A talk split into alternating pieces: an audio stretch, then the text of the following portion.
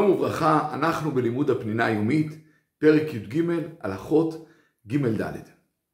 ואנחנו עוסקים במלאכות הבגד, והמלאכה הראשונה שנעסוק בה זה מלאכת הליבון. מה זה ליבון? ליבון זה היו מנקים את הצמר ואת הפשתים ומלבינים אותם כדי לעשות מהם בגדים.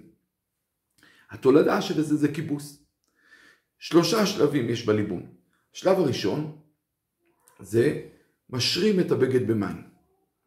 ההשריה, כבר ההשריה של הבגד במים, ממוססת את הלכלוך וחלק מהלכלוך יורד. שלב שני, משפשפים. השפשוף הוא כמובן גם גורם לעוד הורדה של עוד לכלוך מהבגד. שלב שלישי, סוחטים. וכך כל שלב ושלב הבגד מתנקה יותר ויותר. וכל שלב ושלב בפני עצמו אסור מן התורה. אסור להשרות, אסור לשפשף, אסור לסחוט. גזרו חכמים שלא לקחת בגד רטוב, שמא האדם יבוא לסחוט אותו. אפילו בגד שנרטב מהגשם, אדם הלך, ירד גשם, אסור לסחוט אותו, כי אתה מנקה אותו. אלא שלגבי בגד שנרטב בגשם, לא אסור ללבוש אותו. כי זה הבגד של האדם, ויותר מזה, אפילו אם אדם יוריד אותו, ועכשיו רוצה ללבוש, ויש לו רק בגד רטוב מהגשם, מותר לו ללבוש. רק צריך להיזהר כמובן לא לסחוט. ולא יטלטל אותו לכן בחינם, כי גזרו שסתם דבר רטוב, לא מטלטלים אותו, כדי שאדם לא יבוא לסחוט. לפעמים יש גם שלב רביעי.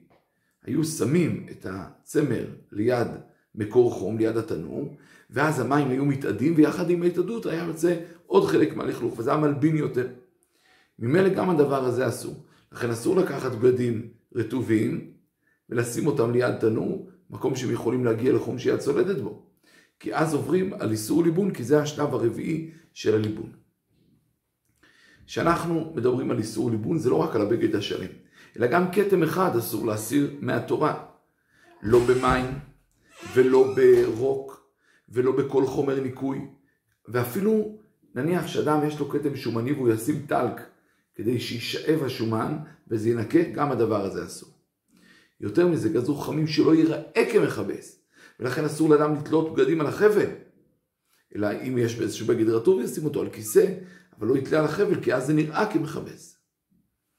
נחלקו מחלוקת גדולה, מה הדין להשרות בגדים נקיים? כאשר יש לי בגד נקי, ואני רוצה להרטיב אותו במים, האם זה מותר או אסור? מצד אחד, יש שאמרו, טוב, אבל זה, זה נקי, אז זה לא, אז אין כאן שום דבר. מצד שני אבל זה השריה. כיוון זה מחלוקת בדאורייתא, ראוי להחמיר. אבל אם האדם עושה את זה דרך לכלוך, מותר. מה זה נקרא דרך לכלוך? כדוגמה, אדם נוטה לו, שוטף את הידיים, לוקח את המגבת, ומנגב ידיים. בעצם הוא מרטיב את המגבת. עכשיו, אם זה הרבה מים כי יש שם הרבה אנשים, אז ממש המגבת נהיית רטובה, אז לכאורה עוברים על השריה. לא, כי זה דרך לכלוך. כיוון זה דרך לכלוך, לא עוברים. אמנם יש שרצו להחמיר ולהגיד צריך קודם לנער את הידיים ושישאר רק מעט מים, אבל להלכה, כיוון שהדבר דרך לכלוך זה מותר. אז אם אני רוצה לסכם, כי זה מאוד מאוד חשוב, בעצם יש כאן שתי דברים שיוצרים את הכולה. בגד שהוא נקי, כבר נחלקו האם זה איסור או לא, ואנחנו מחמירים כי זה דאורייתא, אבל אם זה גם דרך לכלוך, ממילא הדבר יהיה מותר לכתחילה. לבוא ולהרטיב אותו בצורה של דרך לכלוך. שלום, שלום.